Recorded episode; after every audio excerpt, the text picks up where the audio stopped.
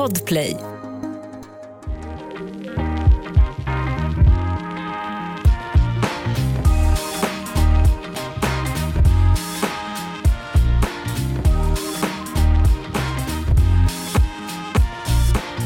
Hej och välkomna till ett nytt avsnitt av Gravid.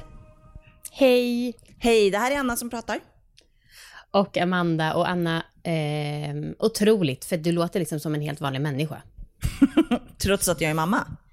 Ja, precis. Ja, fast rösten förändras inte kanske. Nej, Nej. men jag tycker ändå att det är fascinerande. Jag tycker att du låter som vanligt.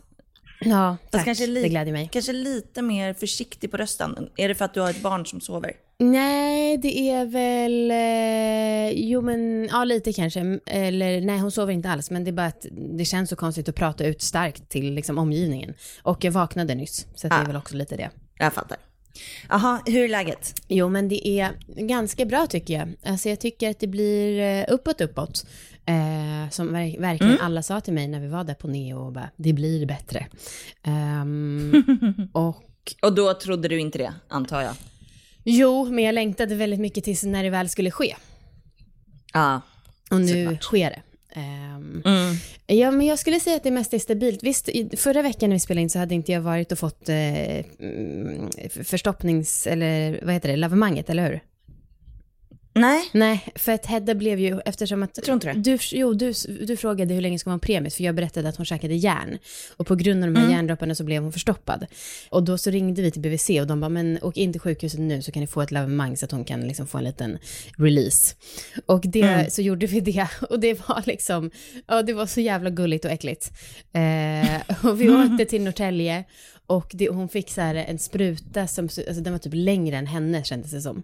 Eh, Och de var Ja. okej, nu kan det ta några minuter eh, och typ var redo här med förkläden och en blöja. Eh, och hon sk- skrek ju jättemycket för det var ju obehagligt för henne. Men sen så efter några minuter Ja. bara hörde man splatt, splatt, splatt. och sen så hon blev så här, hon bara kollade runt och bara, vad hände? Började från att ha gråtit jättemycket till att bara vara lugn. Eh, och sen så började hon kämpa lite till igen och så kom det lite till och, och så vi bara, men nu måste det vara klart. Och sen så la vi in henne på skötbädden och skulle byta blöja. Och då alltså kom det ytterligare en splatt, så bara spruta ner hela väggen. Men det var verkligen en upplevelse. Och jag och Victor höll på att skratta ihjäl oss för det var så sjukt. Och sen hon, alltså hon blev så lugn efteråt och bara tvärdäckade i bilbarnstolen på sjukhuset. Och sen sov hon typ Ah. fyra timmar för hon var så utmattad. Fy fan vad skönt. Ja, och sen så... Ja, herregud. Eh, och det som, enda som, som jag pratade med lite med dig om innan när vi började här, det var att hon eh, har ju fortfarande sin fucking amningsnapp. Och jag vet inte, alltså några gånger har hon klarat att köra amning utan nappen. Oj, nu är hon väldigt Ja. sugen på att ha mig. Eh, men, ehm, men eh, de flesta gånger klarar hon inte det. Hon ligger där och, och liksom fattar inte alls vad bröstet är. Jag vet inte om jag ska bråka med henne, fråga BVC eller hur vi ska göra. Men, mm, och, det, och det är inte så att så här, man behöver avvänja henne vid det då? Jo, och det är det jag försöker varje gång, men hon bara ligger där och alltså, skriker. Ja. Hon fattar inte vad bröstet är. Eh, det var typ det mesta jag hade att säga, tror jag. Ja. Hur är det hos er? Ehm, jo, jag har ju pratat och jag har ju sagt till dig Amanda att eh, Juni, mitt barn, är väldigt lugnt och liksom, hon sover 90% av tiden i sin egen Ja. säng typ. Ja. Ja, jag tar tillbaka allt. Är det sant? Ja. ja. Oj. Nej men alltså det är, inte så, det är inte så katastrofigt som det lät kanske men, men hon är absolut i en trotsig period just nu. Trotsig också. Nej men jag vet inte, men det har förändrats. Alltså okej, hon, eh, och jag har, också, jag har också laddat ner en app som så visar barnets utveckling vecka för vecka typ. Ja, Wonder Weeks eller? Eh, Ja, det kan den heta. Ehm, Och där så, ja, precis som med graviditeten så följer jag mönstret, typ. För att jag tycker att hon har förändrats liksom nu senaste dagarna bara. Eh, och då är Men- det i den här appen att hon har kommit in i en period där mycket utvecklas för henne och hon är grinigare än vanligt. Men är det inte första språnget vid fem veckor? Hon är väl inte ens fem veckor än? Um, Nej, jag vet inte. Mm. Inte helt säker. Nej. Ehm, men hon har i alla fall förändrats lite grann och liksom vill vara mycket mer nära och vill typ amma varannan timme eller varje timme. Oj. Och liksom, ah, det har blivit ganska så stor skillnad tycker jag. Mm, mm. Förutom när vi går ut, alltså då är det mycket, då kan hon ligga i vagnen i tre timmar utan att det gör så mycket. Gud vad skönt. Alltså Mm. för det där, vet du, det som jag tycker, när jag liksom såg er bröllopsdag som ju var liksom fyra aktiviteter, ja då Mm. blev jag väldigt, väldigt avundsjuk. Alltså jag, jag, jag lovar, jag gläds med er för det är ju helt fantastiskt att ni kan göra det, men jag var så här, alltså för det är nästan som att jag kände skam. Jag bara, men varför kan inte vi göra det där? Alltså har vi en Mm. dålig bebis, är vi dåliga föräldrar? Eh, men för just det att liksom kunna gå ut och hon ligger och chillar i vagnen, det tycker jag känns som en sån himla milstolpe. Eh, för Ja. Hedda, vi har liksom ens gett upp på vagnen och nu går jag ut på promenad med henne i bärsjalen och det funkar kanon. Eh, Och Mm. det är också, jag tycker typ, jag tror att jag, det kommer bli mitt sätt. Jag har köpt så här fyra stora jackor för att jag tänker att jag kommer bära runt på henne hela hösten och det kommer vara vårt sätt att transportera oss. Men ändå, Mm. det är ju helt otroligt att hon kan ligga sådär i vagnen. Ja. Eh, nej men och det är ju så, alltså fan man, man jämför ju sig skitmycket och liksom, eh, jag vet att vi har det jättebra med vissa grejer. Eh, sen så, ja. Så kommer det ju vara, jag försöker att inte jämföra mig för jag tror att det kommer, eh, eh, även om hon är väldigt lätt nu eller har varit väldigt lätt så det kommer ju vara någonting som är jobbigare. Och Ja, då, jo. Men eh, i alla fall, det har varit lite, hon har varit lite mer klängig och så. Eh, men jag vill också uppdatera om vad jag sa förra veckan i och med att jag och Marcus skulle ta då lite mer äventyr. Just det. Mm. För att igår så var vi hemma eh, hos två kompisar som har fått eh, barn eh, för en och en, två veckor sedan. Så att det skiljer typ två veckor mellan juni och det här andra barnet. Var det första gången du träffade Eh, henne? ja. Och det var liksom en timmes eh, kollektivtrafikresa bort. Oj. Så att det var ett jävla äventyr. Ja. Eh, och vi bara, vi skiter i att liksom planera så mycket, vi bara åker. Ja, ja. Eh, för att vi, liksom, jag tror att det är bästa KBTn också. Eller Verkligen. Liksom, jag tror att det är bästa sättet. Bara Det- åka och så får det bli kris. Gud, vet du, jag som är ute på landet, jag blir som en sån där världen är så liten, så jag har liksom inget annat att göra än att planera. Men jag ty- tycker att det låter som en superbra inställning. Ja, ja men för att det kommer troligtvis bli kris. Mm. Eh, men då får det bli det. Ja, och det blev ju kris. Okej. Alltså, ehm, typ när vi hade fyra stationer kvar med tunnelbanan så skriker hon så mycket och jag blir jättestressad. Ehm, mest, mest för typ att andra ska tycka att det är jobbigt och tycka att vi är hemska föräldrar. Och jag, jag, kan inte låta, jag kan inte stänga av det där. Eh, så jag liksom tar upp henne ibland och försöker hyscha henne. Men det känns liksom fel på en tunnelbana. Hon är bara tre veckor. Eh, det känns liksom jobbigt. Eh, hon slutar inte skrika. Så vi gick av typ tre, fyra stationer innan vi skulle. Eh, och eh, då var hennes blöja full. Så att vi bytte blöja på perrongen. Är det sant? ja. Gud vad ni är duktiga. Ja, men I hennes vagn så satte vi ut något så här skydd, Ja. tog av henne blöjan, hon kissar ner skyddet, kissar ner sina kläder i vagnen och vi bara helvete. Eh, får sätta på hennes blöja, bara fyra minuter kvar till tunnelbanan kommer, nästa tunnelbana går. Okej, vi klarar det här. Och så liksom snabbt byta om och liksom, hon får på sig en ny blöja med ny, nya kläder för hon har kissat ner sig. Som hon också bajsar ner sen men det upptäcker vi senare. Åh, jävlar. alltså det var jävla hektiskt. Men Men det gick. gud, jag är svinimpad och också riktigt eh, alltså, glädjande för att klarar ni det där? Nu liksom klarar ni ju allt. Ja, lite så. Har man, bytt, har man bytt blöja i Stureby på perrongen, alltså då kan man nog klara allt. Ja, men och det var så kul för eftersom hon hade skrikit så mycket så hade mina bröst eh, börjat läcka. Ja. Eh, så att när jag kommer fram till de här kompisarna Ja. så inser jag att jag har läckt igenom, jag har en stor fläck på bröstet. Åh, Då har jag läckt igenom amningsinlägg, bh, t-shirt och jeansjacka med ficka. Jeansjackan till och med. Ja, Gud, så att jag har en stor fläck på bröstet och bara, vi är sådana föräldrar alltså. kul. Otroligt. Eh, Ja, men det var, det var ett kul äventyr. Det måste jag säga, det är ett plus då med att Hedda är lite förstoppad, för hon bajsar en gång om dagen och det är ganska, i nuläget är det väldigt pålitligt. Så att då Ja, kan vi gud. lita på det liksom. Fy fan vad skönt. Eh. Juni är en bajsmaskin. Ja, men vet du, jag måste, Viktor tar alla blöjor typ. Och jag, när jag var med sist så började jag nästan få kvällningar. Eh, och jag måste lära Oj. mig det här, för nu är det bara två månader kvar tills jag ska vara ensam med henne. Och ja, jag kan ju inte vänta tills att han kommer hem om hon har bajs på sig direkt. Eller. Så- Nej. nej. Eller så är det bara en sån grej att det är bara att köra. Ja, det är nog Alltså bara du det. behöver inte öva, du behöver inte vänja dig. Nej, det är sant. Det är Eh, du kommer klara det när det väl sker. Ja, det, är- så är det. Det är sant. Mm. Men jag blev faktiskt förvånad över att jag blev så jävla, fick nästan hulkningar. Ja, det är inte, det är inte jättebra. Nej, där kanske behövs KBT då. Ja, kanske. Mm. Eh, ja, det var en liten veckouppdatering. Just det, jag måste Mm. Ska säga vi- en till sak bara. Att Hedda har haft lite så här, jag tror att det är lite kvällsoro. Aha, okej. Eh, mm, och det, eller det har också varit, vi tror också att hon är inne i lite utvecklingsfas. För hon har varit, hon hade det för några veckor sedan och sen så har det varit chill. Och sen nu i tre dagar så har hon varit eh, vissa stunder som att en demon har kommit in i henne. Eh, och Åh, då så är det så här, eh, för jag tror inte att det är kolik, för det är ändå så här, byter man, alltså om man går ut med henne, då blir hon tyst i några minuter och bara ligger och kollar som om allt är vanligt. Man henne bröstet är hon nöjd i en minut, sen blir hon arg på det. Eh, sen så tar Viktor upp henne, dansar med henne, då blir hon nöjd.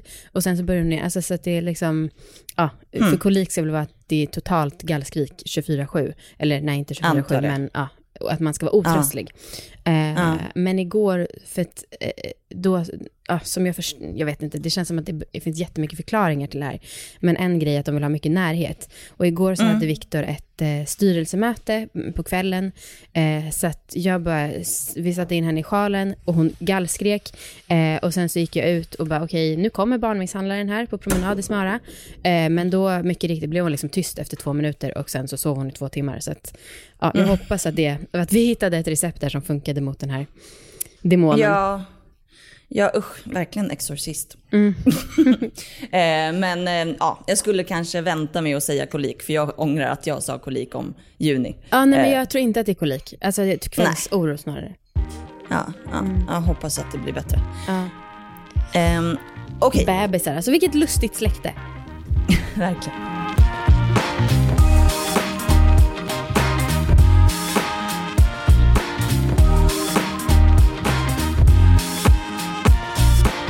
Veckans myt handlar om om det är så att man kan påverka hur barnet blir sen under själva graviditeten. Om man Ja. kan påverka dens liksom, utveckling, personlighet, vad ni gillar och så vidare. Vad tror du då? Ja, jo men jag vet, jag vet inte vad jag tror. Men jag, på något sätt så tror jag ändå. För att, för att den, den ska ju känna igen ljud och sånt. Alltså jag tänker typ om, om den får liksom höra olika röster. Mm. Det borde ju göra att den blir lite mer social. Ja, och inte lika folkskygg. Ja, och om den får vara med på stökiga sammanhang så vänjer den sig vid ljud kanske. Ja, Men, och samma sak tänker jag med rörlighet. Där är jag nästan lite orolig att jag kanske förstör. Men jag, kan- det här är ju, jag vet inte om det är sant än. Men eftersom att jag är väldigt i gasen och rör på mig mycket och så. Ja. Eh, så jag tänker att jag kanske förstör så att den bara kommer kunna sova när det är rörlighet. Aha. Och aldrig ligga ner ensam still. Ja, ja, men det är bara att gå med barnvagnen på lite kullersten så är det Jo, jo, men Check. ibland så kanske jag bara vill lägga den i soffan och Ja, ja. det kommer ju tyvärr inte gå. nej, Nej. för det har den aldrig fått öva på typ. Nej. Eh, ja. Och eh, det här har vi ju sagt förut, men vi spelar ju då in det här när vi är gravida. Mm. Eh, när det här släpps så har vi ju troligtvis båda fött barn. ja. Ehm, men jag, eh, jag, mitt barn, eh, jag, eh, det är ju rätt livligt. Alltså jag, jag är ju i sista trimestern nu. Mm. Ehm, och det är ju livligt eh, ofta och mycket. Mm. Och då har jag liksom googlat lite, eh, kommer det bli ett livligt barn när Mm. den kommer ut? Men det verkar, ja, det är lite, lite 50-50. Okej. Vissa säger absolut, det är ett tecken, det Aha. kommer det bli. Ja. Eh, och vissa säger nej, det har Mm. ingen påverkan. Har, du någon dygn, har den någon dygnsrytm? Ja, absolut. Vad är det då? Nej men den är vaken runt 11 Ja. på natten, eller Ja. på kvällen. Eh, den har börjat vakna till lite vid 4 på natten. Ehm, sen är den vaken runt 10 på morgonen. Alltså jag tycker att den följer ganska liksom Mm. stabil rytm. Mm. Ehm, ja, sen beror det ju på. Är jag uppe och rör mig mycket, då känner jag inte den överhuvudtaget. Alltså så är det ju. Ja. Och, visst, och också ibland när jag gör yoga. Så Ja. är den med. Mm. Okej.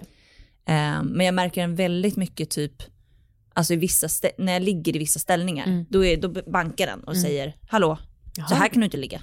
Ah. Det är inte skönt för mig. Nej, det där tycker jag är så um, svårt att veta. Vi pratade ju med, i avsnittet om träning pratade vi med Am- Ammi som tränar väldigt mycket. Mm. Och eh, hon sa antingen så hatar eller älskar min bebis det för han rör sig jättemycket när jag rör mig. Ja, Och det är ju svårt att veta om det är Verkligen. hat eller inte. Men Antonia sa också det i något annat avsnitt att om man skulle ligga på magen så protesterar barnet. ja. Men jag menar ibland måste den ju glädjeröra sig också. Det kan ju inte bara vara att den rör sig när den är arg. Nej, Eller- precis.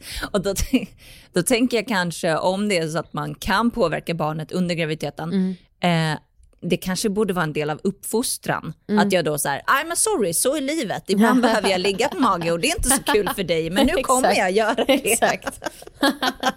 Det ska inte bli allt för bortskämt. Trist bara den typ stryps då varannan gång du ska uppfostra den. Ehm, har du märkt någon, någon rytm? Nej, för jag tycker också, jag har ju moderkaka i framvägg. Så jag tycker verkligen att jag märker bara om jag sitter eller ligger. Men så här, jag alltid när jag går och lägger mig vid tio, då märker jag plötsligt, aha där var du igång liksom. Ja. Eh, sen jag vaknar aldrig på natten. Eh, men typ när jag vaknar vid sex, då märker jag ganska snabbt en liten buff. Ja. Eh, ja, och sen under dagen vet jag inte. Nej. Jättesvårt att säga faktiskt. Ja. Men du är ju inte heller den som sitter still så mycket. Nej, Alltså typ någonsin.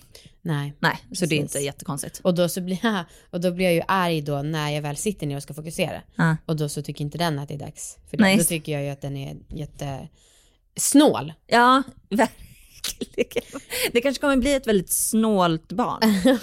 Men du, jag måste fråga dig, och det här är ju pinsamt att erkänna, Ja. men jag, jag lyssnade på lite barnmusik Mhm. Häromdagen Mm. för att jag vill lära mig, för ibland när jag liksom har typ sjungit olika låtar för typ mina syskonbarn så har jag lite skämts över att jag inte kan texten. Jaha, okej. ja. Och att så här, det är svårt att komma på låtar man kan sjunga. Mm. Och då så lyssnade jag därför på lite barnmusik för att träna. Oh med lyrics. Okej det här, då, för det var ändå såhär pra- spelade in avsnittet om man älskar sitt barn, då var det såhär, åh jag vågar inte säga. Det här, det var väl det jag skulle han skratta åt om Men, något. men det är ju kanske mer, mindre för barnets skull och mer för att jag inte vill skämma ut mig när jag sjunger. Ja. Och någon annan kanske lyssnar och jag Ja. inte kan texten. Ja, ja precis. Men, men då så började jag tänka på det här med barnmusik. Ja. Ehm, för att eh, det sägs ju att om man spelar en viss typ av musik när barnet ligger i magen så kommer den gilla det. Gör det det? Jag tycker att det gör det. Okej. Mm. Absolut. Ehm, och att vissa, jag tycker att vissa har sagt så här, ja men om jag spelar eh, klassisk musik, då, då gillar den det. Då märker jag att barnet i magen gillar det. Eller typ om jag spelar en viss typ av artist så verkar det som att barnet gillar det. Alltså, jag tror ju inte riktigt på det. Nej, det är svårt att mäta för man skulle behöva mäta någon sorts hjärnaktivitet hos barnen om det är positiva eller negativa signaler. Precis, och det är, alltså, som vi sa, det är svårt att veta om bankningarna är glada eller arga. Ja. Men berätta om det här med Marcus. Men Marcus är, jag tror att han tror på det. Mm. Ehm, för att han har gjort, han, har, han pratar liksom till magen ehm, på ett speciellt sätt. Som att han försöker lära den saker redan nu. Ja. Och det tycker jag kanske är lite tidigt. Men precis, för det kan ju också vara att han gör det som ett skämt. Men en del av mig skulle verkligen inte bli förvånad om han faktiskt trodde på det. N- Nej, för han tror på väldigt märkliga saker. Ja. Ja. Ehm, men vem vet? Jag vill jättegärna ställa honom mot väggen. Mm.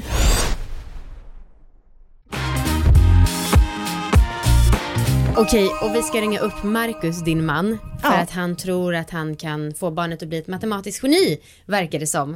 Eh, När det är i magen ja. Ja, precis. Marcus, eh, stämmer det här? Eh, ja, Okej. men så är det ju. Jag Så tänker är så, det. här. Om, man, man lär sig ju väldigt enkl, mycket enklare när man är yngre, eller hur?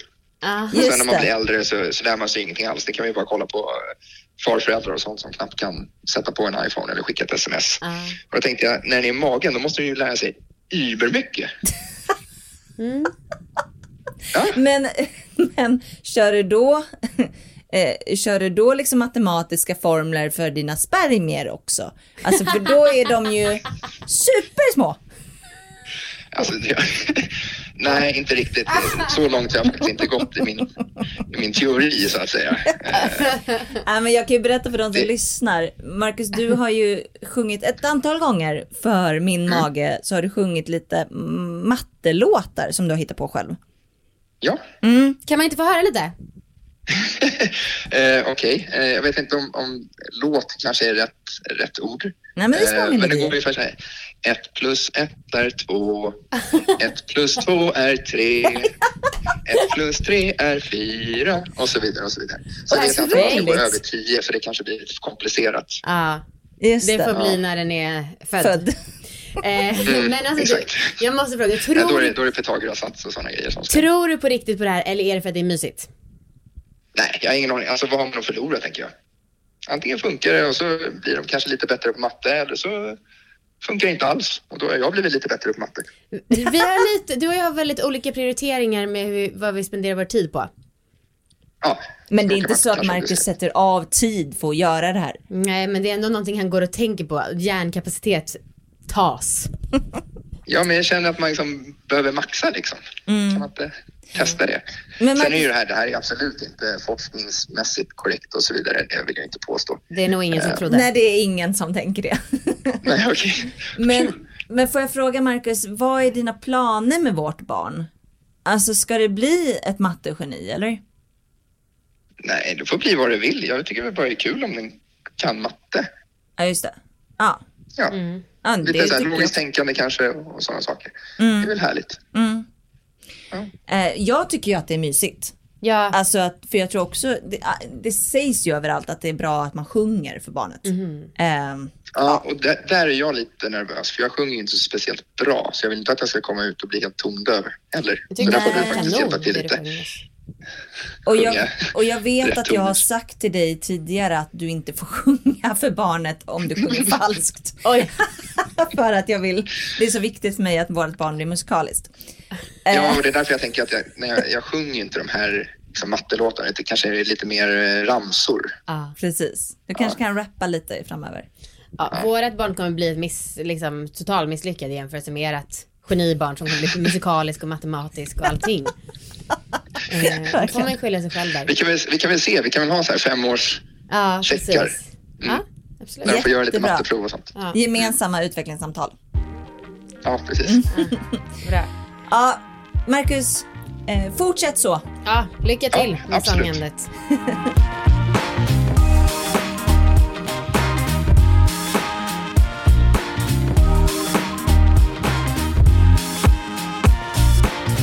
Okej, men vi har ju också en expert med oss, som i alla avsnitt. Och det är eh, Antonia Nordin. Hej Antonia igen! Hej Amanda, hej Anna. Hej, hej, hej, hej. um, Okej, Ehm, hur mycket kan man påverka ens barn när man är gravid? Eh, jag tänker typ på ehm, typ på, vi pratade precis med Marcus, eh, min man. Eh, och eh, han försöker då lära eh, mattetal till, eller försökte då när jag var gravid. Eh, och då, jag vet att vi snackade ganska mycket om så här, musik under graviditeten. Eh, vad man ska spela för musik och så. Eh, och jag har hört lite jag har hört ändå lite här och där att man ska spela musik som man verkligen gillar för då kommer barnet gilla det sen när det är ute. Mm. Vad stämmer här? Eh, det här tycker jag var en jätterolig fråga. Eh, och det, det, jag, jag tyckte också att det var så kul att märka att det har lite liknande svar som i det avsnittet när vi pratade om, om smaker. Ja, för jag kommer ihåg att du pratade om broccoli då. Ja, precis. Eh, för, för lite liknande som smaker så är det så att om du spelar mycket musik, kanske någon speciell musik, kanske till och med vissa specifika låtar som du tycker väldigt mycket om, Ja. så har man kunnat i studier se att barnen liksom reagerar tydligare på de låtarna sen då när barnet är fött. Oh boy. Det är så. Att de, de kan liksom känna igen. Och typ Eh, blir lugnare då, eller vadå? Nej, alltså det där är en annan femma. Huruvida de liksom, för jag menar barn är ju också sina egna personlighetstyper. Ja. Eh, så att det inte nödvändigtvis är att åh, jag gillar verkligen den här musiken. Nej, Nej. okej. Men det blir en igenkänningsfaktor. De känner, de, de känner igen det. De, de reagerar tydligare. På, Ah. Nu pratar vi ju liksom tidigt födda barn eller vad man ska säga. Ehm, sen, sen har man också gjort studier på barn i väldigt tidig ålder och de som under graviditet är ute och när de blir lite äldre.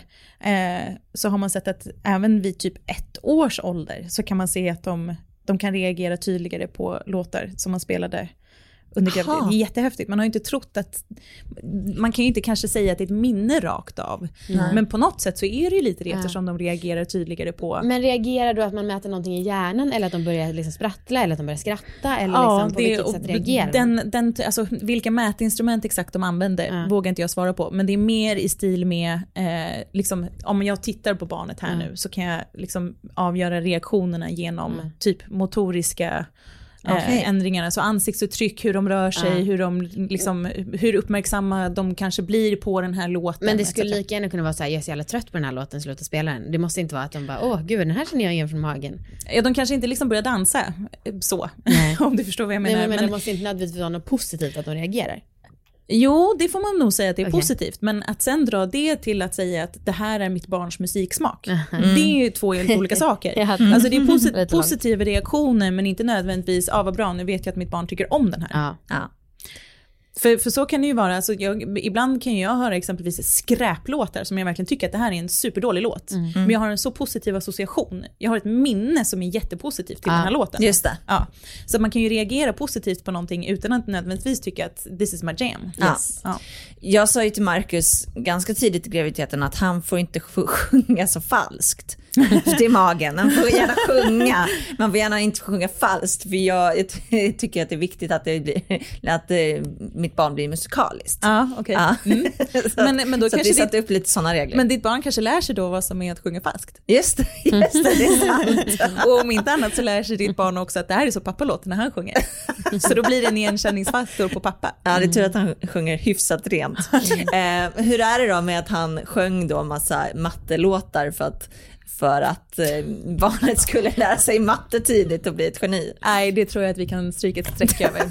Eh, Men, men man, har, man har faktiskt försökt, det, det är så kul tycker jag att man forskar på det här överhuvudtaget, men man har faktiskt försökt kolla, eh, liksom typ, finns det generellt någon musikgenre som barn svarar bättre på?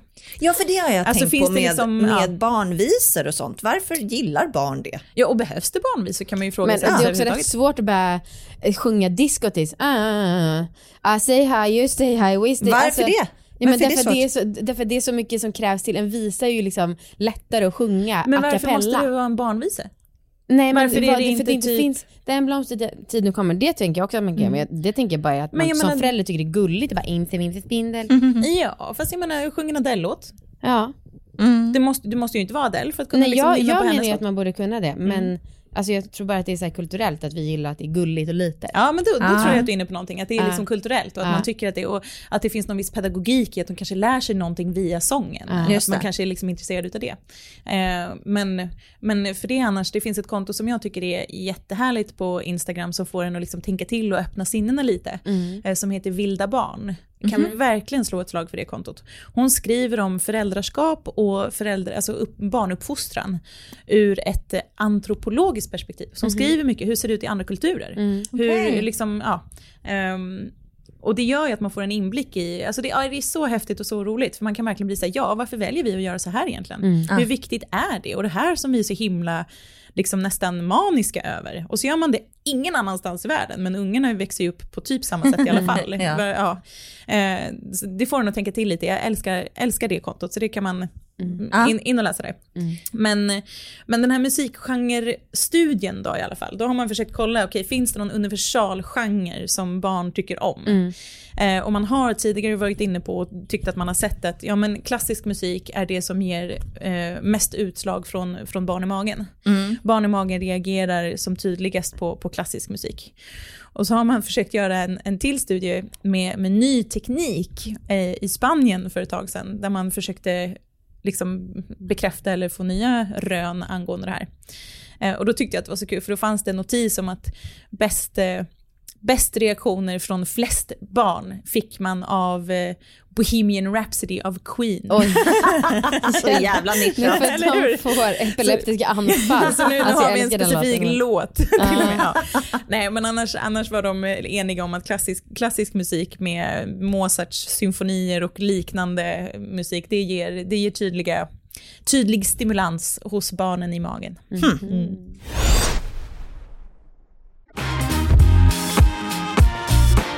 Hur är det med barnets rörlighet och sånt? Om man har haft ett väldigt rörligt barn, kommer det bli ett vilt barn sen? Alltså det här är svårt studiemässigt att svara på. Eh, för, för det här är en mer komplex fråga. Okej. eh, måste man säga. Men, men jag har pratat med en väninna till mig som är BVC-sköterska, Nora, helt fantastisk är hon. Eh, och hennes, liksom vad ska man säga, eh, yrkesmässiga erfarenhet, eh, och då framförallt från omföderskor, det vill säga de som har flera barn, där tycker hon att hon genomgående hör dem säga att ja, men den här bebisen var så lugn i magen och det är definitivt min lugnaste, mitt lugnaste barn. Eller den här bebisen var helt vild i magen och har, har blivit mitt vildaste barn. Liksom. Ah. Hon tycker att hon hör väldigt tydligt eh, att de erfarenheterna liksom går hand i hand. Okej. Um, vad, vad gäller liksom forskningsläget och evidensbaserat eh, så, är det inte ett, så kan man inte säga att man har sett det så solklart. Nej. Eh, man hittar definitivt samband mellan eh, fosterrörelser och, och eh, inte, inte nödvändigtvis personlighetstyper ska man inte säga, eh, men, men, men till viss del. Alltså, Barn har ju personlighetstyper redan från, från väldigt tidig ålder, även i magen. Mm. Eh, och det tycks som att barn som rör sig mycket i magen, där kan man, där kan man tycka att man ser ett samband mellan att de blir kanske lite mer temperamentsfulla. All right. Wow. Så har man Ha. kunnat säga. Eh, men på samma sätt så, så kan det också vara så att ehm, eh, fosterrörelserna i magen kanske egentligen mer speglar hur mamma mår och hur mamma lever. För att barnen i magen styrs ju så himla mycket av vad mamma gör, vad mamma äter, vad mamma har för sig om dagarna, hur hon, ja, men, hur hon mår, alla signalsubstanser, alla Mm, hormoner och allting. mm. Ja. Så, att, så att, att bara säga liksom att Åh, mitt barn rör sig så himla mycket så det kommer bli ett aktivt barn utanför också, inte säkert. För att när barnet är utanför dig så får det inte samma typer av signaler. Det styrs inte av samma saker som det gjorde när det låg i magen. Just det. Just det. Och det här med tiderna som det är vaken då? Alltså, Mm. kan man, har, har det samma dygnsrytm som fött? Ja, det, där är egentligen samma sak, fast ännu mer komplext tänkte jag nästan säga. Det, när barnet ligger i magen så styrs det ju, alltså sättet det upple- upplever dygn och tid är ju på ett annat sätt än när det är fött. Ja. Nu ligger ju course. barnet i en mörk, eh, ganska dov plats. Ljuden den hör ju mest liksom mag och tarmljud, inte ljud utifrån världen. Det är ju inte, eh, inte kallt och inte torrt och inte, ja, you name it. Alltså det är två helt olika världar. Så att barnet dygnsrytm eh, i magen styrs av andra saker än utanför magen. Eh, men innan barnet hinner ställa om, alltså från hur det har varit i magen till hur det blir eh, utanför magen, det är ju en viss övergångsperiod. Eh, och en jätteviktig faktor är ju också att när barnet ligger i magen så har det en navelsträng kopplad till moderkakan som konstant förser den med näring och syre och ja, när det är utanför magen då måste barnet aktivt säga till om mat och äta själv för att bli mätt. Och det styr också väldigt mycket hur barnet sover. All right. Ehm, så att eh, slarvigt sagt så brukar vi säga eh, samma dygnsrytm sista tiden i graviditeten som första tiden i livet. Det, ger ingen, det ger en fingervisning. Okej. Men sen måste man också ta hänsyn till att ja okej, fast det måste vakna och det måste äta och Just det. det. kommer styras av andra saker. Ja. Ehm, när barnen är riktigt små, alltså riktigt nyfödda, så sover de ju, ja, vad är det man brukar säga, 16-18 timmar per dygn. Ja. Ja. Det är ändå så skönt att komma ihåg om man blir trött på sitt barn. Att det är liksom tre fjärdedelar av dygnet som den ändå är, sover. Precis. Sen ska man å andra sidan vara förberedd på att de, de kanske också uteslutande sover vid tutten. Just Tar man bort Oh tutten boy, kanske de inte sover lika mycket. Men Men du- jag tänker bra att ställa in sig på. Att, Ja, just det. Men ja. precis, för jag har ju rört på mig ganska mycket under den här graviditeten. Mm. Eh, kommer eh, det då ha lättare att finna ro när det är i rörelse barnet? Jag tror att de flesta barn, oavsett hur man har rört sig under graviditeten, Gillar eh, vaggning. gillar vaggning. Det, det inger ju en, slags, en slags trygghet. Alltså så som vår biologi är uppbyggd, våra barn behöver ju amma ganska ofta per dygn. Ja. Det är ju inte som exempelvis rådjursungar som ammar en gång och sen ligger de själva i timtals eller kanske till och med dygn. Jag kan inte rådjur så bra, Mm. men mamman sticker ju iväg ganska länge. Och lilla Bambi ligger där själv och väntar. Mm. Så är ju inte våra barn. Våra barn behöver vara med oss konstant, för Mm. de behöver ha konstant tillgång till närhet och till mat, Mm. för de äter så pass ofta. Och då finns det väl någon slags logik i att eh, rörelse, att de, att de känner en kropp, men att den här kroppen också är i rörelse. Mm. Det betyder att bra, jag är med, jag är hos mamma, jag får mammas närhet, eller pappa för den delen. Men det betyder också att jag har närhet till maten. Ah. Ja. Jag hörde ett väldigt bra tips igår eh, från en nybliven förälder, eh, att man, de använder pilatesboll. Mm. Ja, älskar det. Eh, och det tyckte jag lät väldigt, väldigt smart. Mm. Jag tror, Eh. vi använde pilatesboll tror jag fram tills eh, Nils, min son, var ett halvår. Sju, Ah. mån- sju månader kanske till och med. Ah. Så använde vi pilatesboll. Det var fantastiskt. Ja, Mm. han sa att han liksom sitter upp hela nätterna på den här pilatesbollen. Supermysigt. Ja, det är lite tråkigt också att han ska behöva sitta upp hela nätterna. Men, men det är väldigt, det, alltså det är ju perfekt. Ah. För säg att, säg att barnet mest vill sova, Mm. eh, men inte sover så bra om det inte är i rörelse. Och du orkar inte gå på milslånga promenader hela dagarna. Nej, då kan du sätta på lite Netflix-show och så sätter du dig guppar på pilatesbollen. Då är du i konstant rörelse men du sitter bekvämt och du kan få- får ändå ta det lugnt själv. Superbra. Jag slår ett slag för pilatesboll. Eh, k- övrig personlighet då? Kan man tycka, påverkar det på något sätt redan nu? Finns det något man faktiskt kan göra om man vill ha en skönare bebis? Skönare bebis. Eller skönare vuxen eh, barn? Nej, alltså personlighetstyp kan du ju inte påverka. Okej, mm. Det kan du inte göra. Men, men du kan ju, alltså jag menar du, Kan man vänja den vid grejer? Alltså typ hetsig stämning? ja det skulle man kunna säga. Alltså om du är trygg i hetsig stämning Ja. och du ofta liksom är i typ hetsig stämning. Ja. Så, alltså, barn speglar ju ofta sina föräldrar. När Ja. de är riktigt små, de lär sig ju från sina föräldrar. De lär sig till och med saker som känslor. Mhm. De lär sig vad det innebär att vara glad och vad det innebär att vara ledsen Mm. och hur man hanterar de här känslorna genom att spegla sina föräldrar. Mm. Så att om du är lugn och glad i en hetsig stämning så kommer förmodligen din bebis och ditt barn också vänja sig vid att kunna vara lugn eh, i en hetsig stämning. Mm. Men sen kanske personlighetstypen gör att din bebis är såhär, ja, fast jag sätter mig här i hörnan och tar det Mm. lugnt för mig själv. Mm. För att Mm. jag, jag är inte den typen Nej. som gillar att delta i den här hetsiga stämningen. Nej. Men jag blir inte skrämd av den. Det. Mamma är lugn och mm, trygg, så att Mm. jag kan vara lugn och trygg. Mm. Men där går min gräns. det, ja, typ, personlighetstypen kan man inte Mm. Okej. Jag tror att det var allt. Det var det. Ja. Ehm, så vad är svaret på myten? Eh, Kan man påverka barnet? Lite grann. Ja, lite grann. Ja. Kanske inte som Marcus tror att man kan lära en mattetal Nej, eh, redan under graviditeten. Det, nej, har jag inte sett något bevis för heller. Ehm, tack Antonia. Ja men tack själva. Hej. Hej hej.